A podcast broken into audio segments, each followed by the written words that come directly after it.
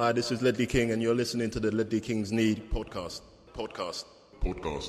Podcast. Ledley Kings knä, Konsekvent, inkonsekvent Ledley Kings knä, Det bästa som någonsin hänt. Ledley Kings knä, Du kommer aldrig bli dig själv igen min vän. Ledley Kings knä, Här flödar hybrisen. Ledley Kings knä, När vi poddar på aldrig bli dig själv igen min vän Då säger vi varmt och väldigt hjärtligt välkomna till den väldigt utbytbara värmländska amatörradioteatern om Tottenham Hotspur. Det här är Ledley Kings knä eller Il Ginocchio del Ledley King som Calcio-runkarna säger. Vi har den eh, senaste tiden här inspirerats av Kina och Saudiarabien som ju som alla vet utövar sportwashing eh, genom att köpa upp klubbar som ändå ingen bryr sig om eh, och på det sättet köpa acceptans och solidaritet med oss i, i västvärlden. Eh, denna hårdvaluta som acceptans har blivit. Och vi gör ju samma sak i Lelle Kings knä just nu. Vi har ju tillsammans med Tottenham Sweden en insamling till Musikhjälpen. Det här kallar vi för podwashing där vi rentvår vårt namn genom att låtsas som att vi bryr oss om välgörenhet och stora saker. Så skänk en slant till eh, våran bössa i Musikhjälpen. Jag ska också säga det att ehm, eh, det finns ju en fantastiskt fin tillverkare av ölunderlägg som heter Beers from the Lane som eh, har sponsrat oss ett par gånger med eh, lite eh, tävling. Eh, vi har tävlat ut lite ölunderlägg. De är så jävla snygga de här. Eh, och eh, Beers from the Lane lovar nu att eh, för varje order som han får fram till jul så skänker han 20 spänn till insamlingen och det går att beställa ända fram till måndag för leverans innan julafton. Så se till att göra det också eh, så skänker ni en slant på, på vägen. Um, Just nu är vår bössa uppe i ungefär 7000 kronor vilket väl ungefär är lika mycket som en kilowattimme el i vårt härliga land. Hur som helst Robin heter jag och med mig för att dra ballen över gruset idag då har jag från västkusten lite comeback här. Mannen som är lika njutbar som en klassisk falukorv i ugn. Oraklet man inte vill möta en gegenpress i med Jonevret. Hallå! Tjena! Hur är det med dig? Det är bra. Fan vad härligt det är att vara här. Nu mår man, man mår bra här. Varmt och härligt. Ja, vi tycker att det är väldigt varmt och härligt att du är tillbaka. Fan vad kul.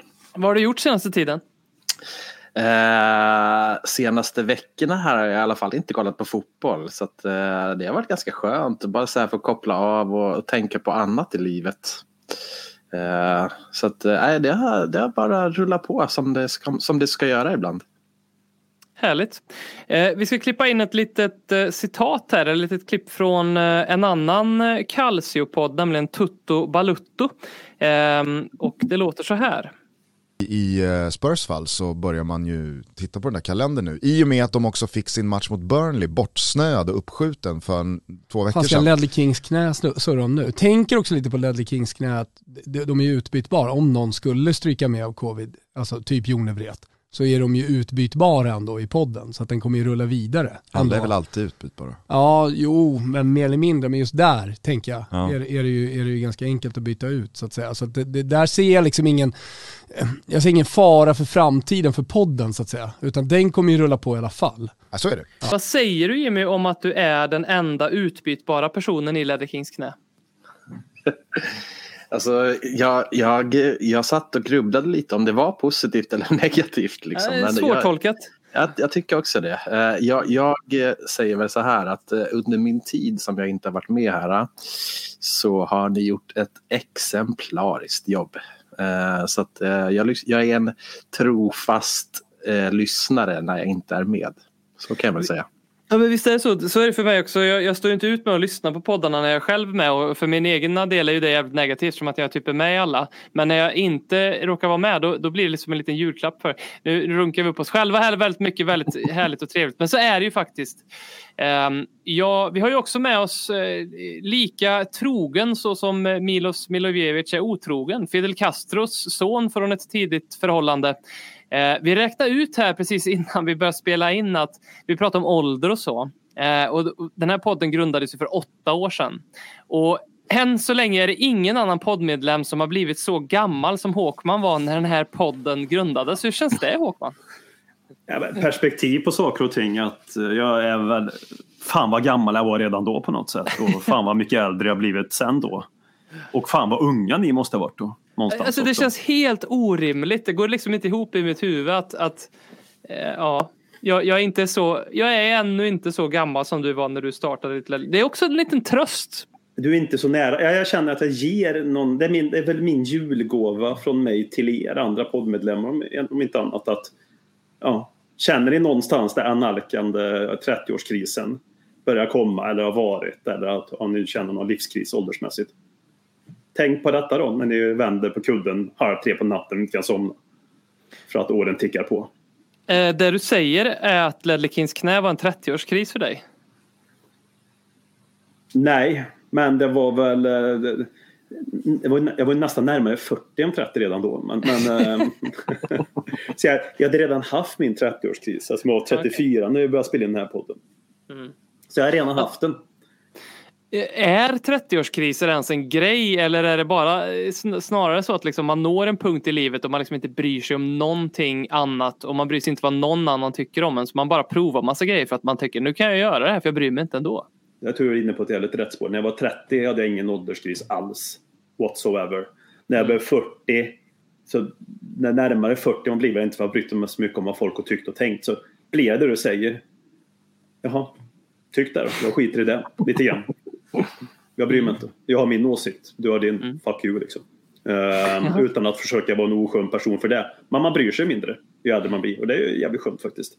Jag tror att ni redan känner av det. Förhoppningsvis redan här och nu. Att med tidens gång så har andras åsikter mindre värde. Vä, doms åsikter som har värde, det är ju folk man bryr sig om. Liksom. Folk runt omkring. Så är Fan vad Ja, klokt. djup, djup, djupa och seriösa blev det för någon sekund. Men ja, Man är ju utbytbar så att säga. man är ju det. Mm. Man, man har insett det. Eh, någon eh, som också är utbytbar det är ju våran trogna kollega ifrån Karlstad. Eh, våran betygskonsult som inte får nämna Erik Lamelas namn i podden idag eftersom att han kaxigt gick ut på Twitter och sa att om våran bössa i Musikhjälpen når över 7000 så kommer jag inte göra det. Så nu får du prata om något annat. Hur känns det Ben? Eh, Gud och våran frälsare eh, finns alltid med oss i antingen i hjärtat eller i formen av halsband runt eh, din hals. Så att även om inte den, hans namn kommer att missbrukas för en gångs skull i detta forum så vet jag att han alltid är med mig i anden. Mm. Jag ser vad du försöker göra där. Men hur är det med dig? Som jag sa om Gud så nej, det är bra. Jag har lite covid-symptom i sann solidarisk anda med mina liljevita bröder i norra London. Men till skillnad från de loserna så har jag inte covid. Jag bygger lite hårdare vilka än dem. Eh, Du hade förberett någonting också eh, här som eh, jag ska påa nu, så nu gör jag det. BMs grej. Nej, det här är ju en klassiker. Det är ju för, jag, så vi börjar med att bemöta lite kritik som har landat. Det första mejlet jag fick var från en anonym Eh, lyssnare som vi kan kallas för Tomalina Wilbur. Som hävdade att eh, Ledikins Kings knä skulle ha väldigt svårt att fylla en podd nu när, när det inte spelas några fotbollsmatcher.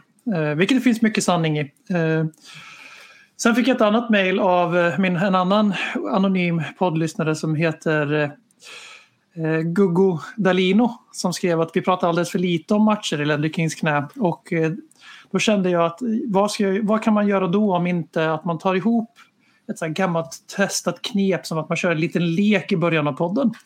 Som då handlar om tre specifika matcher i Tottenhams nutidshistoria. Och som alla har temat då att de har varit en vändpunkt. Eller vi trodde i alla fall att det var en vändpunkt när matchen skedde. Så det ni tre ska göra är så snabbt som möjligt att ni pricka in de här spelarna som beträdde planen i avblåsning. Alltså startelvor. Och sen så tänkte jag att vi efter det kan vi ha, äntligen öppna upp den här Pandoras ask och se huruvida vi inte redan har gjort den här smärtsamma ombyggnationen som vi fortfarande skriker efter här inne i januari 2022. Så de tre matcherna jag valt ut då och de första elva spelarna ni ska nämna det är Maurizio Pochettino som är tränare för Tottenham. Det är andra match 2019. En före detta lagkapten i Arsenal gör sin absolut största insats för klubben genom att missa en straff mot Hugo Lloris som gör att vi går till Champions League och inte dem. Och eh, det här är ju den våren då som Tottenham kommer att spela Champions League-final. Och då är ju den första enkla delen av pingpongen här är ju att ni ska lista ut vilka elva gubbar som fanns på plan den marsdagen 2019. Jobbar vi i Det lag? är, det är en som är enkel, det är Hugo. Ja, t- Tävlar vi mot varandra? Eller? eh, Jag tror att, eh, jag tror att eh, ni kan göra som ni vill lite för den sista är typ en vecka sedan den sista elvan ni ska dra så att jag vet inte om ni inte klarar den så Okej, men då, då kör vi tillsammans. Vem kan ha varit högerback i eh, matchen mot Arsenal? Där? Är det inte uh, Trippier då eller? Ja, det måste varit Trips. Var Trips är rätt också. Ja, ja. han körde ju den säsongen ut ja. Så jag är ganska säker på att Vertongen spelade mittback i alla fall. Ja, ja. Alderweireld också. mm, Korrekt. Vad har vi mer då på mittfältet? Jag är lite svår. Ja, Eriksen behöver ha spelat va? Eh, Var det Ben Davis eller var det Danny Rose som vänsterback? Eh, Danny så- Rose som spelade på vänsterkanten. Eriksen var väl med också eller? Eriksen var med ja. Uh, man kan vara mer central som behöver vara med. Sissoko hade ju en eh, Ja, det. fin eh, vård där, men Winks kan också ha startat. Cissoko var med, med i alla fall då. Ja. Cissoko var med och han blev också utsedd till matchens lirare av BBC. Ja, det var en annan tid det här. Den kan vi ha haft på högerflanken då. Son borde vara med. Son var med och spelade. Han spelade inte till högerflanken. Lite ledtråd där. Italiensk tränare, italiensk formation den här dagen. Italiensk tränare, italiensk formation. Ja, nu har vi en italiensk tränare men då Ja, hade vi jaha, en ja, ja, italiensk jag menar formation. så. Vi hade samma formation som då. Okej, okej, okej. Men vem, du sa vi Eriksen eller? Lukas då kanske, eller? Eh, Lukas är inte med i elvan. Ja, Okej. Tänkte på italienskt. Ja. Son var med. Alltså det ni saknar just nu är en central mittfältare, en ytterligare mittback och en anfallare. Ja, men vi sa ju Alderweireld. Ja men då är Ja, det jag där säger då. fortfarande ytterligare mittback. Det var inte Alderweireld. Det var Nej, Dyer. Janne och Toby är inräknade. Det- då- då- då- Jaha, det, okej, det var tre mittbackar ja. Då var det ju Davinson Sanchez då. Korrekt. Han, det var han som drog på sig straffen ju för fan. Ja. Ja, Harry Kane, jag tror att Harry Kane spelade. Nej, gjorde det gjorde han ju såklart straff. inte. Ja, jo, det är okej. Ja. Ehm, Det här är Då före en han skadade sig central mot City i april. Ja, det var i april han skadade sig. Okej. Ja, mot en central mittfältare. Och det var inte Wings. och inte Ehm, Sissoko. Och det är ju inte. Erik- Sissoko- Sissoko var rätt, han var i elvan. Ja, vi bara Cissoko och Eriksen har vi tagit. Så vad kan vi ha tagit då med för någon som ska ta lite mark? Tänker jag. Det kan ju inte vara en Eriksen-typ som ska... Kan det vara ett. Wanyama? Wanyama, ja. Wanyama. Var det det? Ja. Ni, ni prickar alltså in eh, eh, elvan till slut. Det tog längre tid än vad jag räknade med så det här kan bli svettigt. Okej. Men eh, jag tänkte att ni minns ju självklart det här. För det, anledningen till att jag tar ut den här matchen är ju för att den här säsongen har ju blivit så här i efterhand ganska historierevisionerad. Att det är väldigt många som snackar ner den här säsongen nu eftersom att det var någon form av eh, man läste i T-bladen nu när man har facit på hand att Pochettino redan hade tappat laget och vi kraftigt gick ner oss bla bla bla. Eh, Jag tror vi tog 73 poäng och vi blev fyra och gick till Champions League-final så allting är relativt. Men att prestationerna hade börjat bli sämre är ingen som säger emot. Problemet här är... 1-1? Matchen blev 1-1 ja. Och det är ju alltså sen några veckor senare så är det ju faktiskt så att det är den här straffräddningen mot Aubameyang som gör att vi slutar fyra Arsenal femma och behöll, behöll dem utanför Champions League där de har stannat sedan dess. Och Hugo? så hade han väl, var det den matchen han hade förberett sig med den där jävla, um, jag vet inte vad det är för mask. Den jävla Marvel-mask som han skulle sätta på sig och fira med. Var det inte där han hade den förberedd? Fick skjuta på det spektaklet. Säkerligen. Det låter är som någonting värdigt så. en Jag har Arsenal-kapten. för mig att det var. Ja, men jag har för mig att han hade den. där- Ni kom, vet vilken mask jag menar han körde? Såg ni den? Han Ja. gjorde en annan match. Black Han körde väl eh, den här Marvel-hjälten Black Panther eller vad han heter. Ja. Mm. Det kanske är inte en Marvel-hjälte. Jag bottnar inte alls i det här DC Comics. Svincoolt På, oavsett. på, på tal om 30-årskris. Ja. Eh, andra elvan, då är det våran kära José Mourinho som är tränare. Och eh, Tottenham mår bra, vi flyger i tabellen. Vi har efter den här matchen borta på Stamford Bridge så har vi fortsatt ledare, vi är fortfarande etta i Premier League. Vi har tagit sju av nio poäng i tre raka stormöten på sju dagar, eller om det var fem dagar, jag kommer inte ihåg. Allting ser ut som att eh, Mourinho är gud, han har fått sin andra, tredje, fjärde andning och eh, vi bara väntar in ligatitlarna eh, som sen tog slut mot Dinamo Zagreb som ni minns. Men eh, vi spelar i alla fall eh, mot Chelsea på Stamford Bridge. Vi spelar 0-0. Vi har, bytt, vi har bytt formation nu till det här som är kanske lite mer Tottenham än vad vi är vana vid. Och det har skett en del förändringar i den här elvan. Kan det här varit när Gazzaniga stod? Ja. Det är alltså Mourinho 2019? Nej, okej, 2020, det- november 2020. Det här är exakt ett år efter Pochettino har fått sparken i stort sett. Jag heter Loris i mål också. Det är Lorissimo Latin. Jag har inte tagit ut någon elva där det finns någon så här tydlig lowering förutom Mayama och den tog ni ju alldeles för lätt. Jag hade hoppats att ni skulle sitta kvar på den hela podden. Loris Det här var ju en jävligt mörk Toby var med. tid. Toby spelade. Toby, Toby och Lorisse med. Nej, förlåt. så- Toby var inte alls med. Var han inte det? Sergio Aurier var med. Serge Aurier var med. Fan. Det enda, det enda jag vet och kan bidra med det här det är ju matchens spelare i Cissoko. Jag skojar bara. Eh, Cissoko med elvan, men han blev inte matchens lirare. okej, Han var bra. det var han.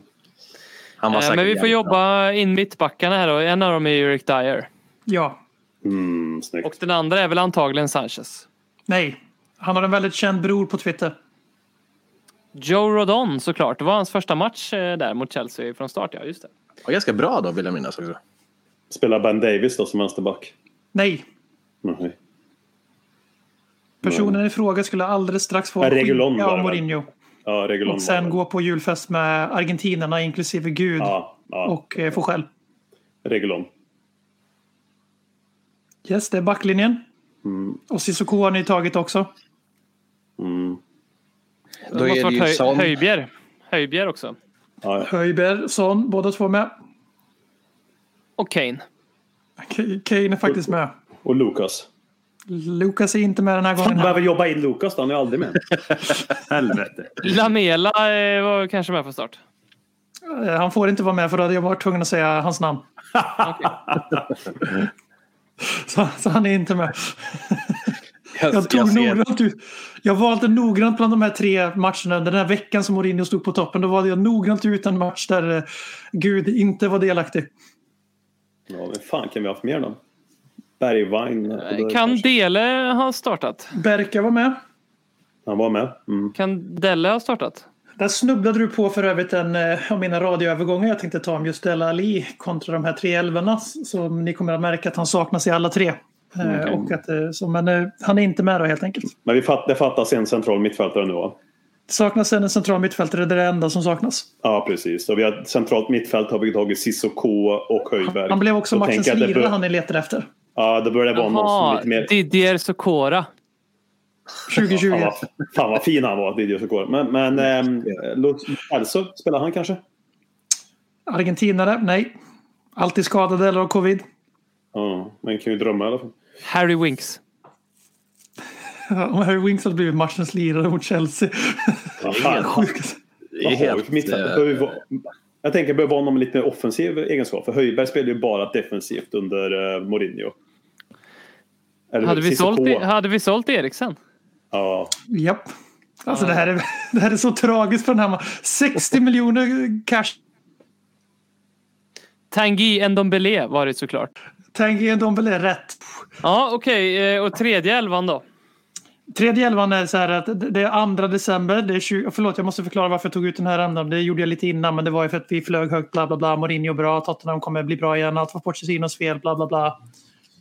Eh, spelarna är bra. Pochettino var dålig. Allt det där som sades vid tillfället. Eh, nu är vi Antonio Conte som manager. Det är 2 december. Det är alltså senaste, typ senaste matchen vi spelar före corona. Och eh, vi möter Brentford vi vinner med 2-0 och Tottenham är obesegrade i Premier League under Conte. 10 av 12 poäng. Livet rullar, våra expected goals ökar varje match. Vi släpper in mindre. Det ser ut som att fjärdeplatsen är högst levande. Och sen så kommer covid-19 och knackar på Hotspur Way. Så därför är det också en vändpunkt när, nu när den här säsongen kör rakt ner i diket och dör tillsammans med de två ovanför, ovan nämnda. Så varsågoda och säga den här elvan och nu får ni exakt 10 sekunder på er. Det här Hugo. sätter vi 11-11. Hugo, Emerson, Emerson, ja. Dyer. Davis. Reguilon. Och det är en Reguilon, ja. mittback till och det borde väl vara Sanchez. Nej. Var det den? Ja, Sanchez. Ja. Eh, och sen på mitten hade han Skip och Höjbjer. Mora. Son. Kane. Så, Vamos. kanon. Långa poddar, långa poddar, långa poddar om Spurs. Så det är alltså anledningen till att vi tog upp den här förutom tidsskillnad där, som vi inte hade någon match att prata om. Det är just att alla de här tre matcherna är i perioder där Tottenham står inför vägskäl. Och eh, jag tänker att vi har, det har ju hänt någonting specifikt här i Tottenham-läget de senaste Robin som kan eventuellt ha lagt lite väghinder för Antonio Contes Tottenham-maskin. Eller vad tror du? Pratar du om corona eller? Ja, den där ölsorten från Spanien. Mm, precis. Eh, var, det, var det en inbjudan till en radioövergång förresten? Ja, Oj, vad icke beredd jag var på det här, så nu måste jag samla mig lite. Men eh, absolut, eh, vi går över och pratar eh, om det och det om detta med att Tottenham har haft uppemot 20 bekräftade coronafall senaste tiden. Och klubben är lite, lite storkukslugnigt ut på Twitter och förklarade matchen mot Rennes som är inställd innan vare sig Uefa eller Rennes själva hade kommenterat detta. Ehm, och så att de höll på det så att Rennes-supportrarna hann resa över lite elakt tycker man ju. Men också, också helt lite jävla kul- rätt. Skit också ska lite skit ha. Ja. Eh, om jag börjar så här Håkman, kommer du sakna Conference League? Noll procent. Eller? Mhm. Säger jag. Lite osäker, jag har ingen egen åsikt. Jag måste bädda in vad ni andra tycker. Nej, men det kommer jag väl inte göra någon, någonstans. Jag minns Europa League hade ju någon form av glimmer över så ändå var lite Uefa. Det är ju inte så att Europa Superduper Conference League har blivit, eh, som jag minns då, som den här åldermannen i det här gänget som jag nyss har pratat om. Det har inte samma dignitet som jag minns att cupvinnarcupen hade, som då var dåtidens tredje Europa-turnering. Den har inte fått den eh, digniteten över sig så jag känner ingenting för det här. Europa League kunde ändå vara en biljett in till Champions League. Också någonstans. Och en trofé som ändå betyder något. Det är ändå fina lag med där. Det här, fan. För en klubb som så- Tottenham, för en klubb som Tottenham då, vill jag bara säga, så är inte den här speciellt attraktiv. Du ramlar in på någonting där det är så tydligt att Conference League är just tredje divisionen eftersom att de har ju tagit exakt samma upplägg som Champions League har ner till med nedflyttningssystem till Europa League för treorna. Ja. Där de ju tagit rakt av därifrån och så ramlar det in Europa League-lag in i Conference League. Plus att de har en extra playoff-runda och att grupp två går inte ens vidare direkt till slutspel utan de spelar en extra slutspelsmatch mot treorna och bla bla bla. Så att de, de gör ju, alltså det är så tydligt att det här är en turnering som tas fram för att konsolidera att det är samma 16 lag som går till slutspel i Champions League varje år. Att det är samma åtta lag som går till kvartsfinal, samma fyra lag ur en pott på sex lag, sju som går till semifinal och så vidare och så vidare. Eh, eftersom att den här Conference Leagues uppkomst har gjort det lättare för allsvenska klubbar exempelvis att nå Europaspel. Men nästan till omöjligt att nå något annat än då Conference League om inte man går till Champions League. Så man har ju på ett väldigt fint sätt skiktat europeisk fotboll ännu mer. Och gjort, an, man använder den här som den slasktratten är. Och ja, man har ju suttit här och liksom manat fram någon form av fake hype för Europa Conference League eftersom det var en väldigt rejäl titelchans. Men sett till våra prestationer turneringen igenom så känns det nästan skönt om vi nu åker på en 3-0 på skrivbordet och åker ut. Men man vill ju hellre i ligacupen bara för att dra en jämförelse. Det brukar vara den sista turneringen man helst vill vinna en form av rangordning. Jag vinner ju hellre, mycket hellre ligacupen än Europas Super Conference League liksom, till exempel. Ja, Om det inte är, det som jag sa, ursäkta Robin, det enda som får mig att vilja vara kvar i turneringen det är att få eventuellt möta Roma liksom, i en utslagningsrunda. Det är faktiskt enda målet jag känner att jag har. Finns det en liten förmildrande omständighet med den här utåkningen att det sättet vi åker ut på är att vi inte riktigt åker ut. Alltså, jag hade ju skämts lite om det var så att vi åkte ut fotbollsvägen. Om vi hade, åkt och spe- om vi hade spelat ren typ kryssat, vi testade vunnit och vi, vi faktiskt blev utslagna. Då hade jag liksom känt en viss bitterhet. Men nu är det ju lite som att så här, jag kan tippa runt den här gröten lite med att så här, Eh, i, en, i ett parallellt universum så, så spelar vi matchen mot Rennes och så går vi vidare och vinner Conference League. Men eftersom att Corona kom så ah, vi, vi får väl aldrig riktigt veta vad som, vad som hände.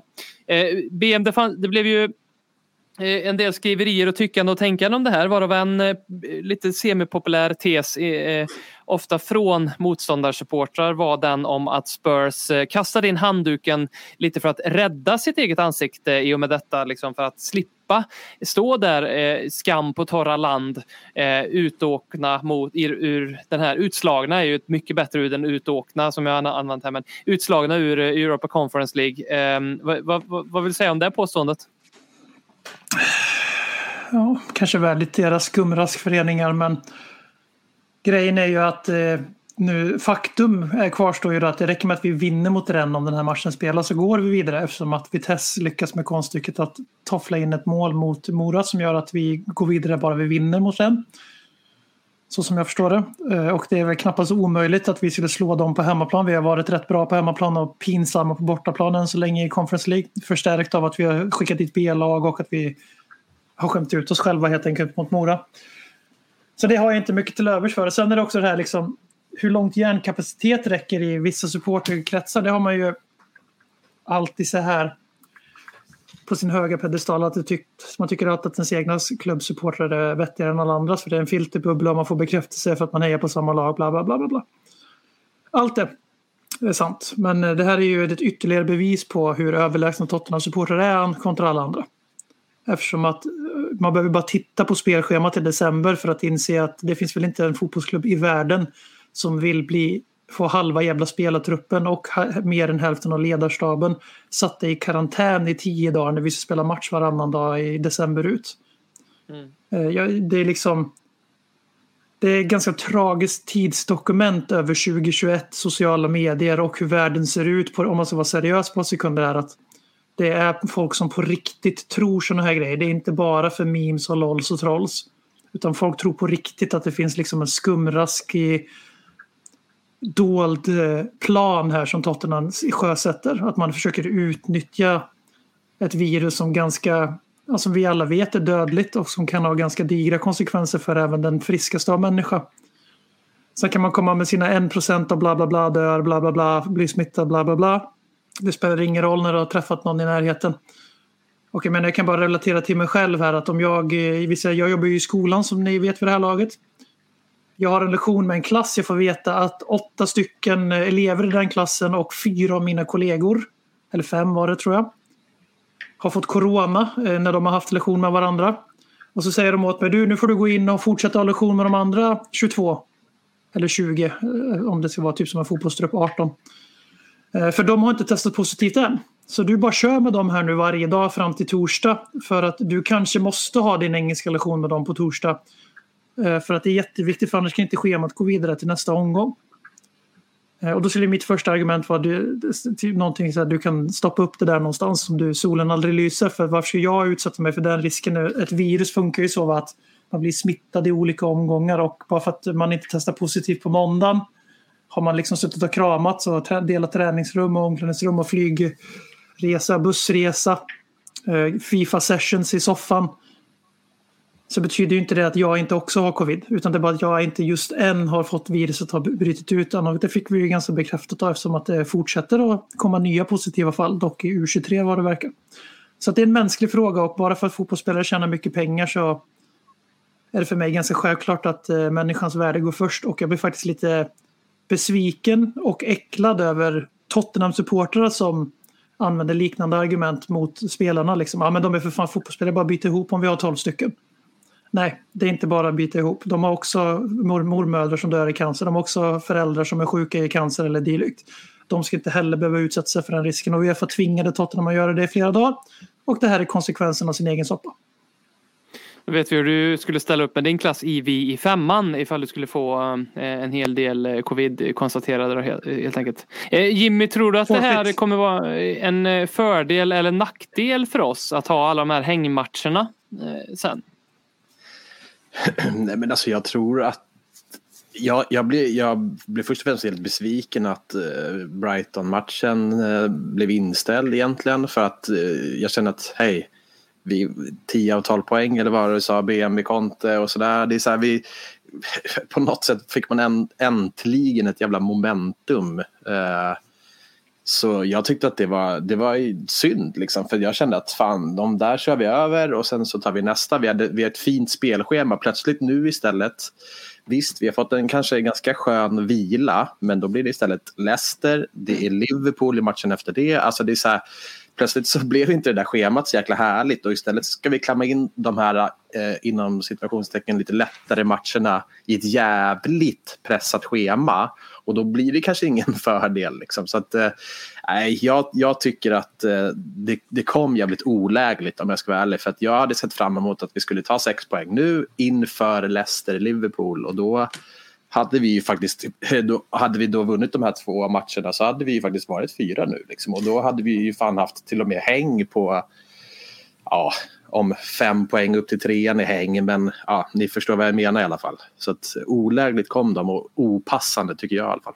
Så det blir ingen fördel tror jag. Absolut inte. Får jag vara djävulens advokat? Om vi hade gått rent i Conference League-gruppen och hade varit klara finito, hade vi ställt in den matchen?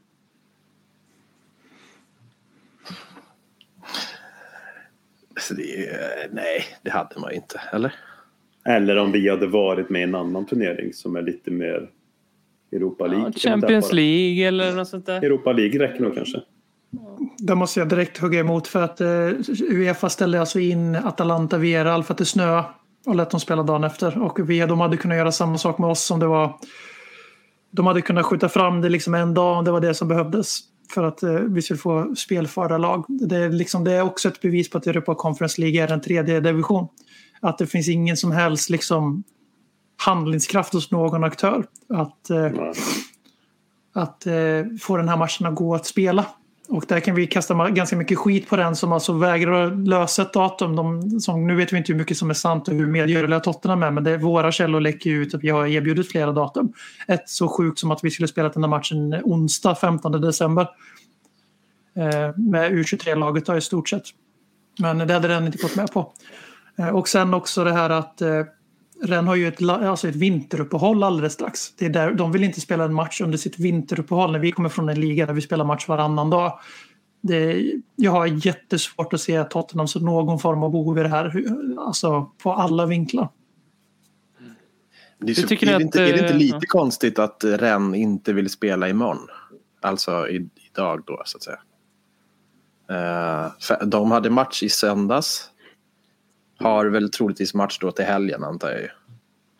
Det hade väl varit ganska simpel lösning om, men det är klart att de inte vill vara så jävla hjälpsamma och hjäl- behjälpliga liksom. De har, väl, de har ju redan gått vidare, de skiter väl i vilket liksom. De kan ju vara jobbiga, hur jobbiga de vill på något sätt.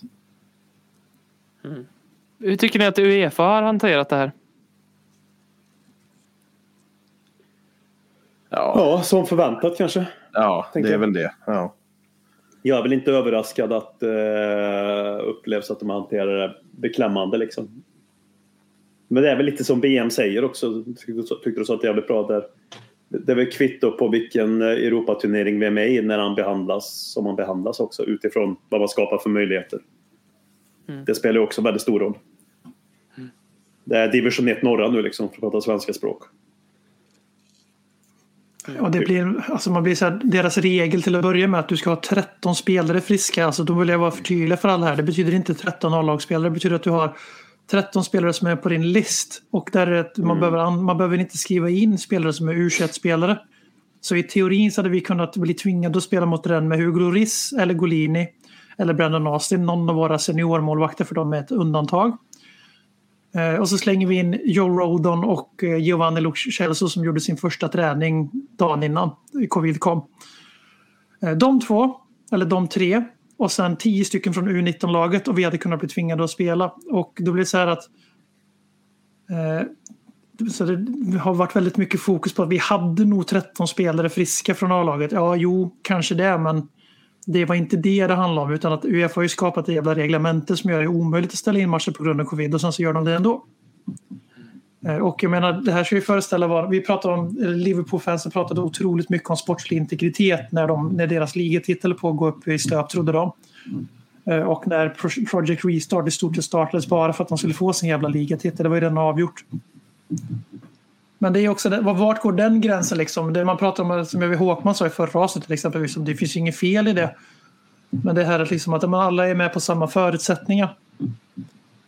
Ja, det är man ju på ett sätt, men då, alltså vad, hur, hur, förklarar vi, hur förklarar vi tabellen sen när vi ser Manchester United eh, åka ur Premier League för att de får tvinga spela, nu överdriver jag här, men liksom, man vet ju så jävla väl att Uefa, Premier League, de här stora instanserna, de hade aldrig låtit det gå så långt för vissa klubbar. Nej. Och det är därför jag säger liksom, hitta inte på de här jävla reglerna. För nu blev, det var Tottenham överlägset största laget i den här turneringen. Kanske i konkurrens med Roma. Mitt anglofil här tror att Tottenham är rätt mycket större än Roma internationellt. Eh, om jag ska vara ärlig, i alla fall 2021. Eh, och det som verkligen kommer bli spännande för mig att se här det är ju vad, vad de faktiskt beslutar. För att för mig är det ju såklart att Vitesse ska gå vidare. De har 10 poäng, vi har 7. Eh, vi har inte en, vi kan, vi, skulle vi få en 3-0 mot Rennes av någon helt oförklarlig anledning och går vidare till slutspel, då skulle det vara sånt jävla bevis på att Uefa har valt ut det laget som man tycker är störst för deras turnering, alltså dragplåstret. Så för mig är det så här, vi släpper Conference League, Tottenham åker ut, Vitesse går vidare, välförtjänt, sportsligt eh, respekterat. Eh, och så blir man inte bestraffad då, för det är det som är andra skon här, att Tottenham är så hotade av sanktioner som kan gå så långt som att vi inte får vara med i Europaspel om, då, om Uefa kommer fram till att vi har brutit mot deras inhumana regler i att inte ha 10-14-åringar Golini och Dyer på plan. Ja, Det ja, jag men menar, to- alltså, det är absurt ja, det här hela situationen att Tottenham ska bli av med alla sina prispengar. Tottenham ska eh, eventuellt stängas ut. Det här blev ju inte Toto-cupen för en herramassans år sedan när vi spelade med, Gary, med, med Alan Pardew och company. När vi torskade med Mm. 7-8-0 mot eh, Bonka-gäng. Fina Att vi- 90-talet där. För Ja. att Uefa tyckte att vi var så respektlösa mot inte Toto-cupen som gjorde så. För den spelades under engelska säsongens semester. Mm. Så det är det här jag menar liksom att det är Uefa som ska ha skit här. Det är inte Tottenham som, hur vi än vrider och vänder på alla argument så är det så vi hade 20 personer inom föreningen som hade corona. Vi hade en huvudtränare som nästan lipade på presskonferensen. Han är från Italien och han såg vad som hände i Bergamo efter Atalanta Valencia. Alltså, det är en mänsklig fråga i en omänsklig fotbollsvärld. Och det är Uefa som är ansvarig för den här turneringen. Punkt. Ja, ja, jag, jag håller ju med helt och hållet utifrån det vi pratade om förut. Det här med att eh, alla vet om förutsättningarna. Alla vet om eh, att det här är tyvärr, inom citationstecken nu eller inte tyvärr, en del av problematiken som alla ställs inför. Och vissa kan bli som coronasjuka och vissa kan åka magsjuka. Det kan hända saker under säsong. Det är mer det jag menar, att jag tycker att det är en sak för alla där. Sen om det är så pass många så att det inte går att genomföra matcher, det är ju en annan sak. Eller att, som jag sa då, eller att eh, förbund tar ett ställningstagande utifrån en, att, det, att det kan liksom sprida vidare en smitta om man ställer in på grund av det. Det köper jag i detta fallet. Men det är som en, en viss klubb, nu tänker jag väldigt svart och vitt sådär. En viss klubb kan åka på många skador. That's it liksom. Då är det så. Jag förstår att det inte går att jämföra på det här sättet. Men det var lite så jag menade med det och det förstod jag att du förstod också. Sen är det väldigt hyckleri av Uefa att de pratar om att eventuellt att det är med sig på bordet att vi inte ska få med deras turneringar längre fram. För att vi under de här förutsättningarna inte kunde spela. Då borde de ha fingertoppskänsla också känna, hallå, ja det pågår en pandemi i världen. Därför spelar inte Tottenham. Det är kanske inte liksom, legitimt att eh, stänga ut dem, stänga ut dem från eh, Uefas turneringar kommande säsong som straff för det här.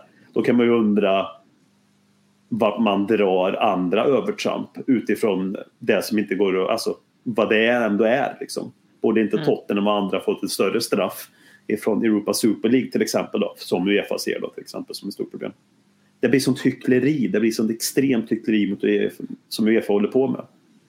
Det är väl det största Det beviset för att liksom inte klubben själva har eh, eh, ja, men myglat med det här. Därför att det finns ju dels den risken med att ställa in här att vi inte får spela i någon Uefa-turnering nästa år och den risken vill inte den Levi ta såklart. Sen den andra risken är också den eh, direkt ekonomiska. Här nu, nu är vi hotade av att vi inte får till, tillräkna oss de prispengarna eh, vi skulle fått eh, hittills om vi drar oss ur.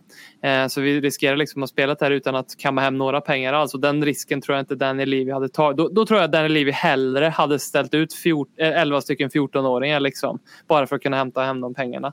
Men, Eh. men bara, bara att Uefa kommer med sådana här hot eller eventuella händelser som kommer kunna ske. Bara det visar hotet, vilka- jag vill jag lägga till, bara det hotet är ju baserat på tidigare praxis. Jag har inte, jag har inte sett att det är, en, att det är reellt utan det är väl mest prispengarna det handlar om just nu. Okej, Men- så de har inte gått ut och sagt det? Nej, missat. inte, inte Ja, okej. offentligt i alla fall. Inte offentligt, nej. För hade de gjort det, ja, det är ju dålig spelkänsla liksom. Det är sånt- Men alltså, det är kul. det- En, en, den mest pinsamma grejen är väl egentligen, eller mest pinsamma kanske inte är, men, men hur efter en säsong som förra året, en pandemisäsong som liksom blev tvungen att avbrytas, den, eh, den eh, spelades inför tomma läktare till större del. Hur, hur kan de inte liksom, hur kan de lägga ett sånt här pressat schema i år igen? Alltså, det är för mig helt ofattbart. Alltså, hur kan man inte till exempel ha i Uefa då, eller i Premier League, att här har vi nu här tar vi ledigt, eller vad fan man nu gör. I två veckor, är det uppskjutna matcher, då får de spela den i det här fönstret. Eh, I både Uefa-ligorna så att säga och i de inhemska ligorna eller kuppen eller vad fan det nu är. Hur, hur, kan man in, hur kan man ha sånt jävla pressat schema när man vet att exakt det här kan hända? Hur jävla naiva är de? Liksom, de, är ju, de är ju lika jävla naiva som eh, liksom, eh, Fredrik i Göteborg som gick ut och festade fast det var corona. Liksom. Alltså, det är så här, nej men vad fan nu kör vi, det blev ju skitkul. Nu är vi äntligen, nu har det äntligen öppnat, nu är allt löst. Det, det är som att Fredrik från Göteborg sitter i Uefas liksom, och bestämmer, nu ska vi spela. Jag tycker att det är helt, jag blir, jag blir nästan irriterad när jag tänker på det. Liksom. Men det visar ju också att det är en sak som styr, det är ju pengar. Liksom det är väl bara det som styr. Alltså det, att kapitalisera på en säsong och inte gå miste om de intäkterna som Uefa skulle gå miste om om det nu skulle pausas igen. Och då ser de ett sätt att bara ta igen och ta igen det de eventuellt förlorade. Som jag inte vet om de förlorade eller inte, ingen koll på det. Vad Uefa förlorade på pandemin eller inte. Det, det är så jag ser det i alla fall. Att man skapar en ny jävla turnering som säkert var, jag vet inte när, när den blev klubbad han skulle starta om det var innan pandemin eller inte. Man kanske inte borde gå igång med ytterligare en tredje europeisk turnering. Mm. Europas Super League. Jag tänker också den här säsongen som var. Och jag tycker verkligen inte att man ska ta bort de här ligacupen till exempel. Det kanske också varit en grej och gjort i år. I år bara, nu är det FA jag pratar om istället, tagit bort ligacupen. Alltså Eller framförallt ta bort Nations League och sånt där jävla dynga. Alltså okej okay, att man måste kvalificera sig till ett VM liksom, men vad fan. Ja, men kör old school då. Kör som de gjorde innan. Det här jävla räddningsplankan. Man har ju kunnat kvalificera sig utan den här räddningsplankan som Nation League har skapat. Det har ju funnits system för det innan. Jag är också med. Den borde man också tagit bort nu man borde inte ha överhuvudtaget då kan jag tycka sett till matchen. Men definitivt här och nu. Så. Men det är väl rätt tydligt varför man skapar, i min värld i alla fall. Jag tror inte att de är naiva. Jag tror inte att de är korkade. Jag tror att de har full koll på vad som kan komma att ske. Att det kan blossa upp igen. Det är korrupta, pengagiriga människor som ser en möjlighet att skapa en större plånbok och ett bättre rykte och en högre status för sig själva. För dumma i huvudet tror jag inte att de är på det sättet. Mm. Vi gick ju till eh, final i ligacupen förra året och eh, en väg dit var ju att vi slog ut inom citattecken Leighton Orient som ju inte kunde ställa upp med ett lag. Eh, jag tror väl att hade vi varit Leighton Orient i den här turneringen då hade nog Uefa gjort en väldigt, väldigt enkel och snabb sak av det hela och sagt att nej, men ni blir tyvärr utslagna här. Men eftersom att vi är Tottenham Hotspur och Eh, och jag och BMW är mycket större än Roma på alla sätt och vis. Eh, sett till fans men framförallt till omsättning. Vi är ett av de tio mest lukrativa klubbarna i världen. Det är klart att Uefa tycker att det är jävligt problematiskt att kasta ut Tottenham just nu. Så jag tror Tottenham, eller Uefa har ett litet intresse av att ha kvar oss i turneringen just, just därför för att, vi, um, för att vi genererar pengar. Jag tycker det är kul med den här Intertoto-cupen historien som du tar upp. för eh, Vi blev alltså avstängda för att vi Eh, vi spelade ett gäng, dels gubbar, Alan Pardew som du nämner är en av dem, sen ett gäng fjunisar eh, 18-19-åringar och då blev Tottenham avstängda från eh, Uefa eh, Uefas turneringar i typ två säsonger för att man inte respekterade turneringens värdighet. Jag tycker det är en jävligt kul, alltså roligt beslut av Uefa-tal. Det är lite som att säga så här, hallå, de här spelarna suger. Ni kan inte mena allvar med dem. Det är lite att kasta det i ansiktet på dem. Och så här, det här är ett gäng bara helt värdelösa fotbollsspelare. Vi ser ju det också. Tottenham hade ju kunnat sagt så här, nej vadå, vi, vi trodde verkligen att den här taktiken skulle funka jättebra med Alan Pardew på vänsterkanten och den här 17-åringen som jobbar på McDonalds egentligen i, i mitten. Alltså, vi trodde verkligen det skulle... Hur, hur skulle man kunna liksom, eh, vart går gränsen? Hur dåligt får ett lag vara innan det är eh, innan det är eh, ja, eh, att inte respektera turneringen så att säga. Är det inte någonting för vår shop nu känner jag också? Jag har en t-shirt på Alan Pardew, inte Toto-hjälte någonting sånt där. inte, Alan Pardew, inte Toto Hero. Ja men någonting. Eller, eller bara fördjupa oss i den här Intertoto-säsongen väldigt hårt i ett arkivet avsnitt. Det väcker ju mm. intressen måste jag säga. Fan, jag visste det inte att vi blev avstängda två säsonger från Europaspel på grund av det här. Vore det inte missat. jävligt mäktigt om vi blev avstängda för att vi tog den oseriöst? Om vi startade med typ Dele Alli och Aurier och Cisco. Vad menar du? Det, det, det som jag tycker Nej, är vad fan, intressant. du, får inte vara med. Det här är ju oseriöst. Ja, men vart det går gränsen liksom? Vi- Vilka Semifinalen spelar... mot Ajax liksom bara, vad Cissoko från start driver Tottenham. Det här är Champions fucking League. Ja, men, men säg att vi tar ut hela U23-laget mot Rennes, liksom, att vi hade gjort det, och Dele Alli. Hade, hade, de typ, hade de kunnat komma och säga det här är oseriöst? Eller är det liksom så här, ja men Dele Alli var med, fan då har vi inte den där. Alltså, det finns någonstans är den där gränsen som jag tycker är intressant. Och vem, vem är det som har det vetot att bestämma att Ja, det här är ja. inte Det tillräckligt här bra? är ett Vem är UEFA? skräplag. Ja, vem är det som sitter på den liksom, eh, José rangordningen? Han har ansvaret. Vad sa du? Var det Lennart Johansson? Eller? José Mourinho, ja. Ja, precis. Han hade väl gillat det kanske. Nej, men fan, Alan Pardew. Fan, jag ska inte snöa in på det ännu, men det tyckte jag var intressant han har varit med och spelat det säger också en del om hur Uefa förändrats sedan 95.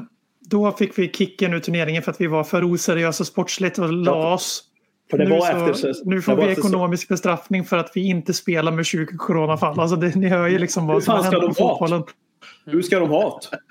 94, och efter säsongen 94-95 spelade inte Toto. Då när vi hade Klinsmann och de på topp och slutade sexa eller vad de gjorde så var vi inte Toto över sommaren 95. Ja. Fan vad hade vi Ellen Pardew med i laget då? Alltså, var som Tänk, tänk att döpa en turnering till Inter Toto och sen komma och säga att lagen är oseriösa. fan. Till och med Hammarby har gått vidare på Intertoto liksom. Ni, Vi ni kissar på långt. Inter Toto-cupen. Ja, det gör jag. Du hör ju själv hur det låter, för fan. Fan, ändå fin Intertoto-cup måste jag ändå säga. Jo, Ja, men namnet. Den var med på Stryktipset. Så här, Köln mot Örgryte IS. Någonting sånt där. Och så var Intertoto-cupen med match nummer sju på uh, Stryktips eh, mitt i sommaren. Det var ändå fint ändå. Inte- Det var ju just Köln som vi torskade med 9-0 mot. Var det det? Ja, okej, ja, så där. ja. Mm. Ja, du ser. Inte alla- Ja. 9-0. Med Alan Pardew i truppen. fin Med jävligt fina tröjor också. Eh, googla gärna upp den matchen. Det, var, det är en av de bästa. Det är Hewlett Packard på... Eh, men eh, sjukt fina. Jag hade faktiskt den tröjan. Eh, hittade, den, eh, jag hittade en bild på mig själv rättare sagt när jag var typ fem eller sex bast. Hade den tröjan på. Är det- Nu är det ingen bra podd här kanske. Men... Nej, men det är inte den. Man tror att det är den. Det är men det är, är, är från samma... Det, det där är ju typ, typ samma. något år efter kanske. Ja, ja. Yes, yes. Låt oss eh, skratta åt topp 6. Let's laugh at the top six. They are really shit.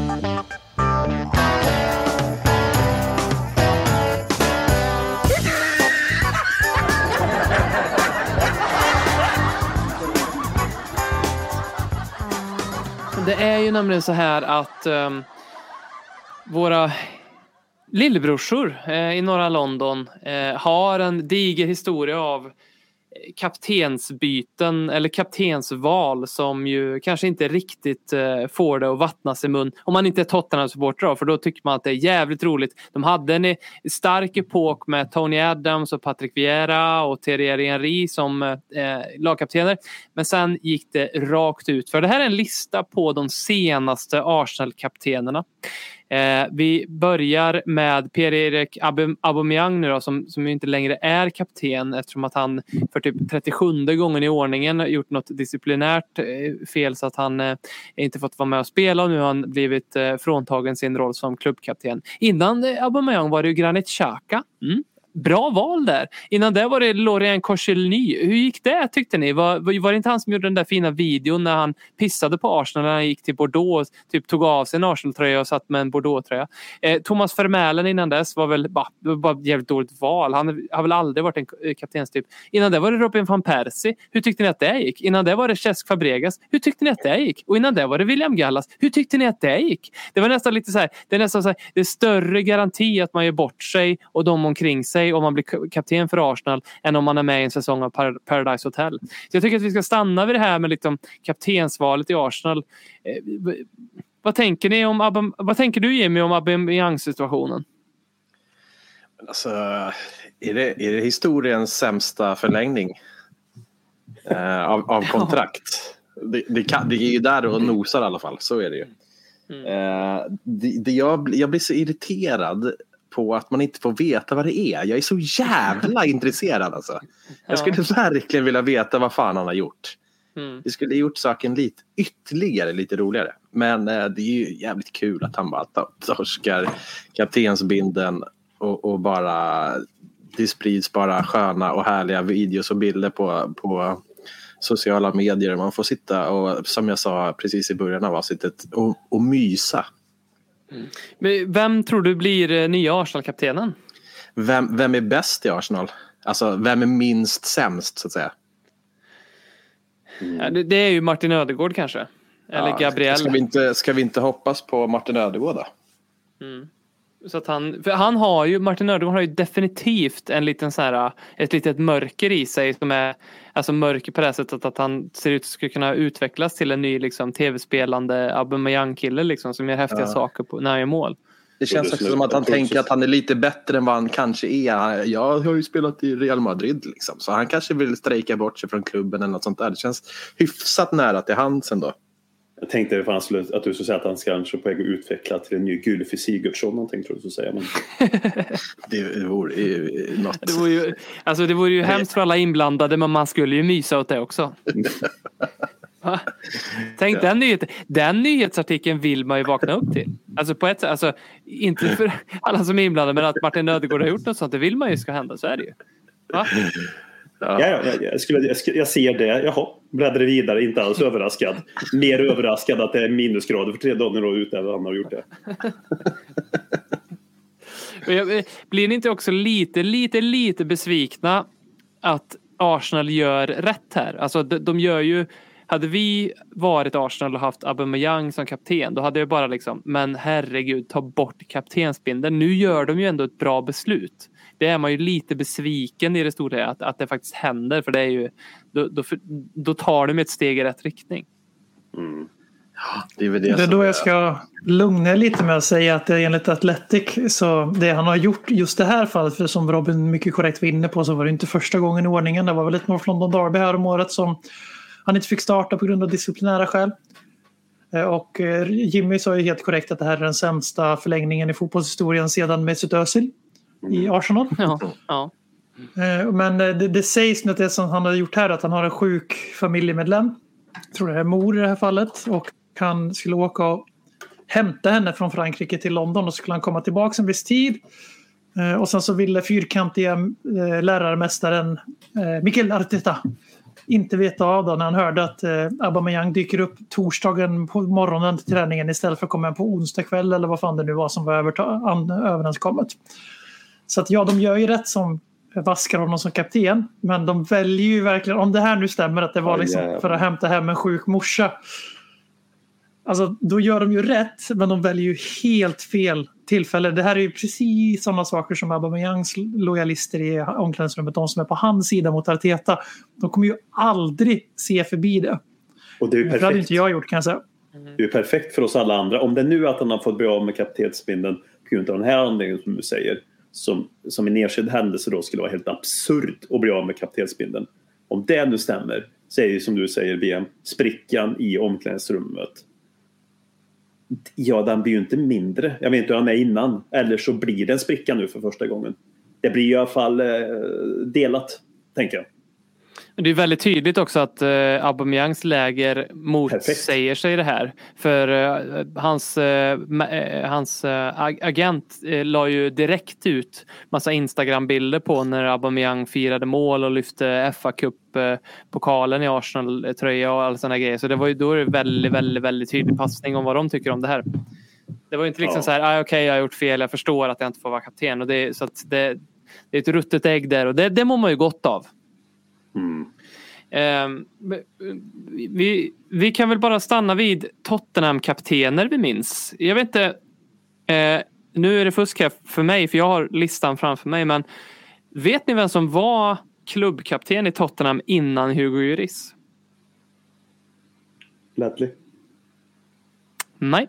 Ledley eh, slutade 2012 och Hugo Lloris blev kapten Ja, ja, 2015. det var inte det här... Uh, Jones det här är Kabul. också en burk. Ja, det är Kabul.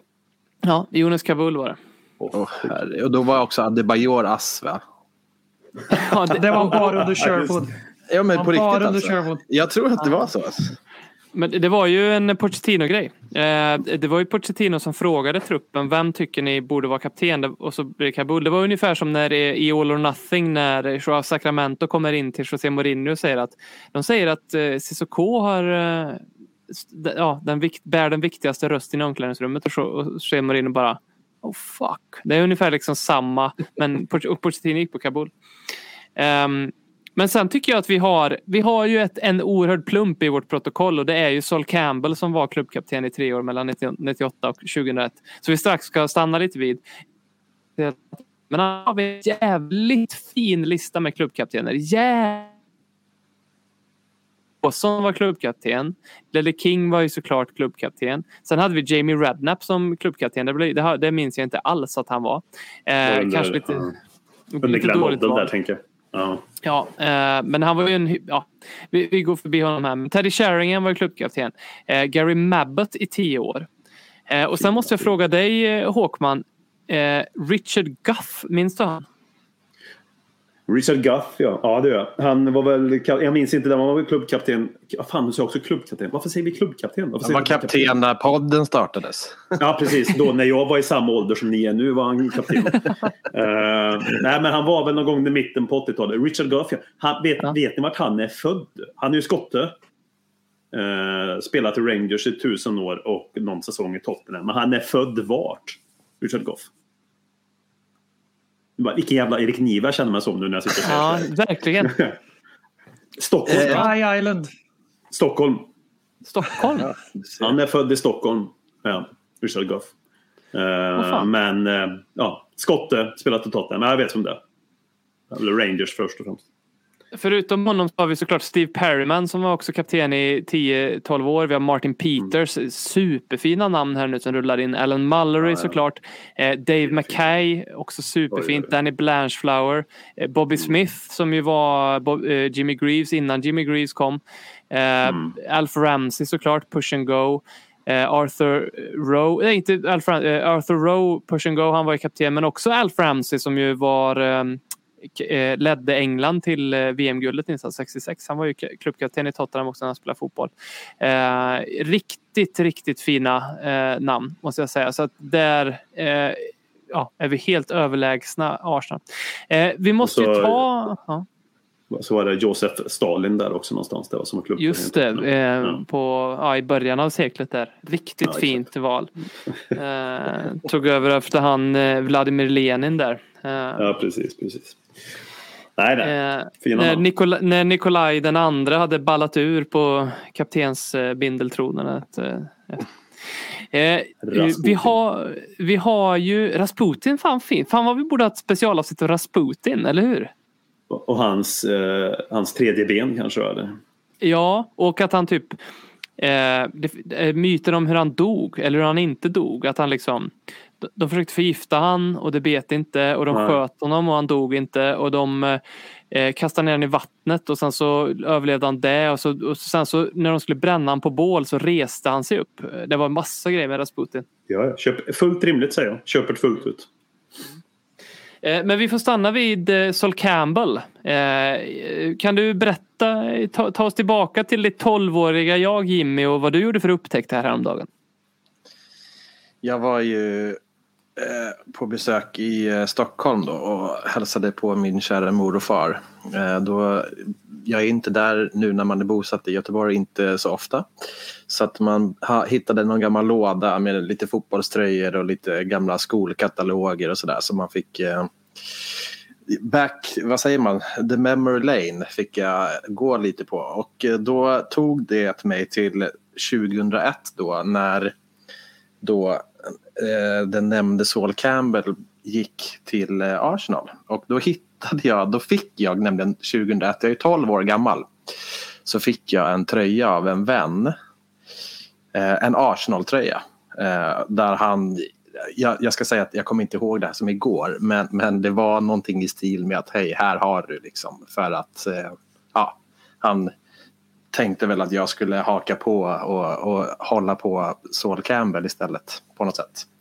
Eh, jag får tröjan och eh, jag sitter här i podden idag liksom eh, med andra ord så lämnade jag inte med Saul Campbell utan jag har då, vi måste ju, det här blir ju som sagt eh, lite dålig podd då i och med att man ska visa upp saker här men jag, vi, vi får ju lägga ut det här tänker jag på sociala medier. Eh, men mitt, mitt då 12-åriga jag har ju då alltså hämtat eller köpt en, en, eh, en eh, vad ska man säga att det är, liksom en, en tusch, en klassisk tuschpenna. Och skrivit diverse, diverse ord på, på denna tröjan. Och num, tröjan är ju såklart med nummer 23, det numret Campbell således fick i Arsenal. Eh, ska jag säga vad det står på den? Eller? Ja, det måste du säga. Det här är, herregud. Nu, Fucking wankers! Det står in- då, det över, eh, klubbmärket då är ju överstruket med ett kryss. det är ändå Tydligt. härligt passivt aggressivt på något sätt. Eh, och på då framsidan så står det fucking wankers. Eh, det, det, är, det är ju ändå magstarkt på något sätt. eh, Som en tolvåring tänker jag mig. Eh, Ryggen är nummer 23 där det står också Judas Scum. eh, så att eh, den här har då dykt upp hos mig nu och jag känner att jag absolut har eh, fått eh, tag i eh, min favorittröja i garderoben nu, helt klart. Eh, som sagt, vi får lägga upp bilder på det här men jag tycker det är, det är starka scener alltså. Ja, jag, tycker, jag, jag ser en stark scen framför mig när, när dina föräldrar, eller vem det nu än är, eh, kanske typ får ett ryck någon, hemma från jobbet och så här, "Äh, fan jag går upp och rensar lite på vinden och så, och så hittar, kommer över den där själv och liksom tar beslutet att men den här, den här, den här vill nog Jimmy spara på. Eh, De har ändå packat ner den i en låda. Så att eh, det är, det är, det den, är, den är otrolig. Det, jag måste få dela med mig av den här. Ehm, det var- 2001, eh, låt det sjunka in, men du var 12 och du skrev fucking wankers. Då var Håkman 22. Då, gick, då, då låg jag bakfull. Otroligt. Ja. Håkeman var ju på White Hart Lane då, skitpackad och skrek på Saul Campbell. Ja, på något sätt i alla fall. Visuellt om inte annat. Ja. Ja, men det är roligt. Så, minns du någonting hur du gick tillväga nu när du fick se tröjan? Att fan, ja just det, jag la den på bordet så här, sträckte på den för att texten skulle sitta bättre. Jag hämtade tuschpennan därifrån, gick dit. Varför valde Jag, jag jag, har ju, en, jag har ju en grej nämligen. Att, eh, det här vet inte heller min mamma om. Ehm, det var ju att vi hade ett gult eh, köksbord. Det var så man skulle ha det 2001. Ehm, och då så la jag ut, jag kommer inte, pen, att vart jag hämtade pennan och sådär, det vet jag inte. Men jag vet att jag la ut den på det gula bordet eh, och skrev. och att det läckte tusch igenom. Första, och det kanske var när jag då skrev F i fucking wankers. Så Jag, att jag ser framför mig hur att din mamma kommer hem och papper så står det under. fucking wankers på bordet och bara Jimmy är det här du? Nej. Nej, det är skiljer på storebrorsan. Liksom. Vi ser också att, eh, att Jimmy sitter och lyssnar på, på Eminems platta. Med, bland annat med Cleaning Up My Closet och eh, jag kommer inte ihåg vad den heter nu. Stan. Tears gone cold, I wonder why. Ah, så var det. Ser du? Alltså, Och sitter och där. grät. Dear, dear soul, I wrote you but you still didn't call me. Ah, ja. Eh, nej, men det, var, det är otroligt. Jag är, den här, eh, det var ett väldigt fint minne ehm, på något sätt. Finare än uh, Saul Campbell. Så kan man Jag blir, väldigt, jag blir väldigt intresserad av Jimmy, 12-åriga Jimmy också. Säger mycket om dig som 12-åring där och då när du skriver detta och får Ja. det. Det så här du tar till mötes den här tröjan. Jag ibland jag bara så kan jag- jag jag hoppas kan att faktiskt- mina barn blir som du när du var 12 år. jag det. Är, Eh, lätt, det är lätt ordnat. eh, Ja. säkert. Det är, skit, skit i dem bara. men, nej, men jag tänkte bara att eh, man, man, ibland kan man reflektera tillbaks på, på livet. Liksom, och så känner jag så här, vilken jävla skithög jag är. Liksom. och det är någonstans eh, bekräftades nu när det började så här som 12-åring. Ja, men det, på något sätt måste du vara lite stolt också när du hittar den där. Alltså, liksom, Ja, alltså, jag, jag tycker att det är helt otroligt. Jag ska föra det här vidare. Det är, det är, nästan, det är nästan en tatuering. Alltså. Kan du inte tatuera in det över bröstet? Fucking wankers. 23 på hela, över hela ryggen. Liksom. Bara fucking wankers. Och så, ja. Näst, nästa, nästa sommar på sommarlandet så sliter du av dig om du gör något sånt och så badar du där och så ser morsan och farsan där liksom. Ja, fy Vilken var, vilken var den största tragedin 2001? Var det Sol Campbell eller var det 9-11? det, Ja, det- Jag vet inte om- det var en, ens en fråga. Mm. Det finns ju en Men, koppling där också mellan, eh, eh, mellan 9-11 och Sol Campbell och Arsenal som fotbollsklubb. Eh, jag ger ledtråden att eh, personen eh, som planerade dådet har jag läst på internet så det är absolut sanning att han sägs ha varit Arsenal-supporter. Så han kanske inte 100%. heller var så nöjd på Sol Campbell. Mm, det stämmer ju. Bin Laden. Det är, ja, det, men det, han var väl det. Det är, inte bara, det är väl så också. Vi kan väl, vi kan väl gå ut med det och bekräfta att det är så. Hörrni, ni, eh, vi fick inte värst många lyssnarfrågor till det här avsnittet. Eh, vi fick tre, eh, inklusive det, det säger en hel del om, eh, ja, vad ska man säga, den senaste tidens stiltje eh, som eh, har rådit kring Tottenham Hotspur. Eh, men jag tänker ändå att vi får ju titta lite på vad våra mycket trogna eh, lyssnare har eh, kom, kommit här med. Eh, på tal om eh, corona ehm, eh, debatten här så har Running Man kommit med ett påstående. Spelarna bör bara testas vid symptom. Då slipper vi alla störningsmoment som ett positivt test innebär. Speciellt eftersom flera spelare visat negativt på andra testet, typ Gill och sån. Ja.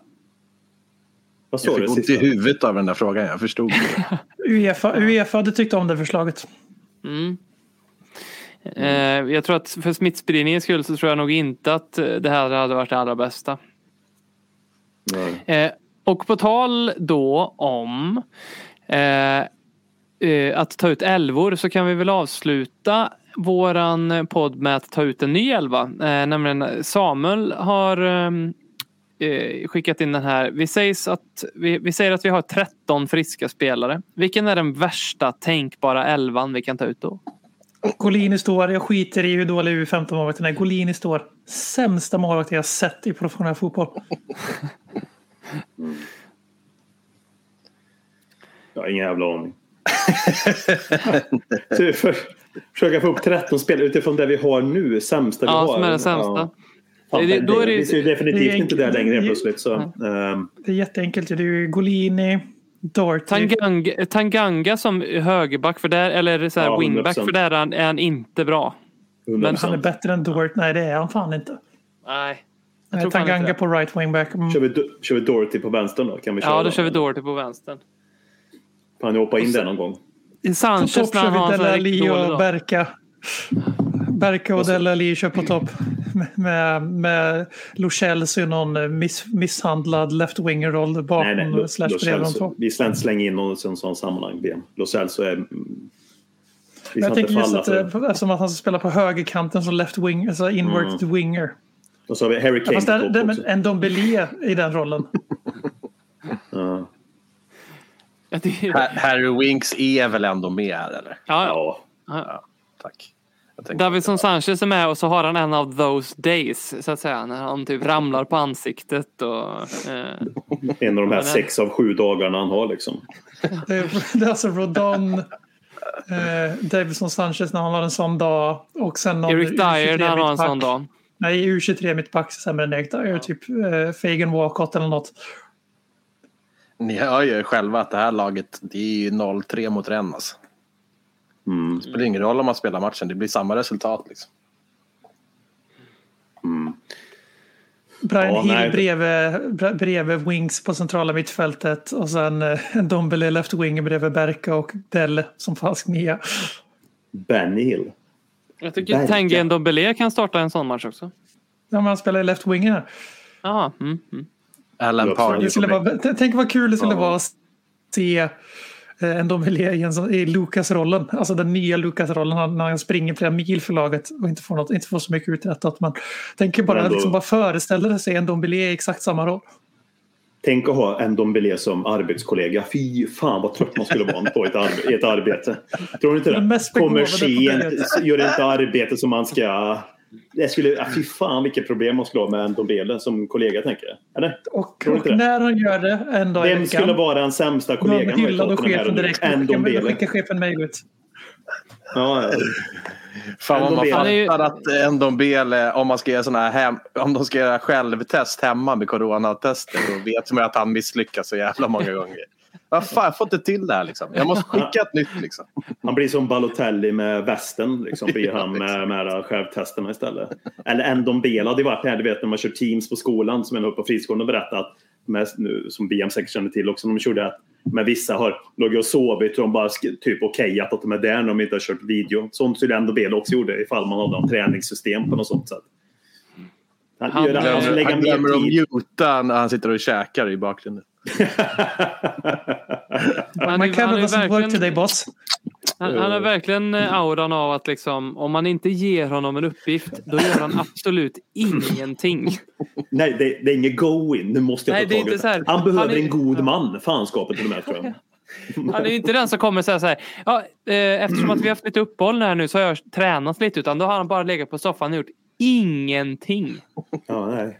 Jag inser här nu efter två minuter raljerande över en Dombele att jag bytte lojalitet till en Dombele för, för någon vecka sedan. Så jag, jag, jag tar avstånd från allt det här som jag har sagt och säger att han är vår tredje mest begåvade spelare och kommer göra fler poäng och minuter än Lo Celso. Begåvad är han, men han är lat som en jävla åsna. Det är extremt Jag förstår på dig. Fan, och sen, jag vill bara, vi behöver inte fastna, jag förstår vi har mycket att göra här. Jag vill ändå nästa segment eller någonting. Jag- Fan, kan vi inte bara prata mer om det här 95-gänget, det är inte Toto-cupen? Jo, jo. Det kan vi ta nästa vecka när vi inte har spelat några fler matcher. Ja, ja, jag, jag kan ta på mig den bollen för en gång skulle göra en jävla insats i den här podden förutom att bara dyka upp, trycka på räck och säga någonting. Men Jag tycker att vi borde bjuda in Erik Niva till att liksom göra ett When We Were Kings avsnitt i Ledley Kings knä om inte Toto. För han skulle ju ha jätte, jättemycket och det skulle ju vara liksom en... en Fyra och en halv timme.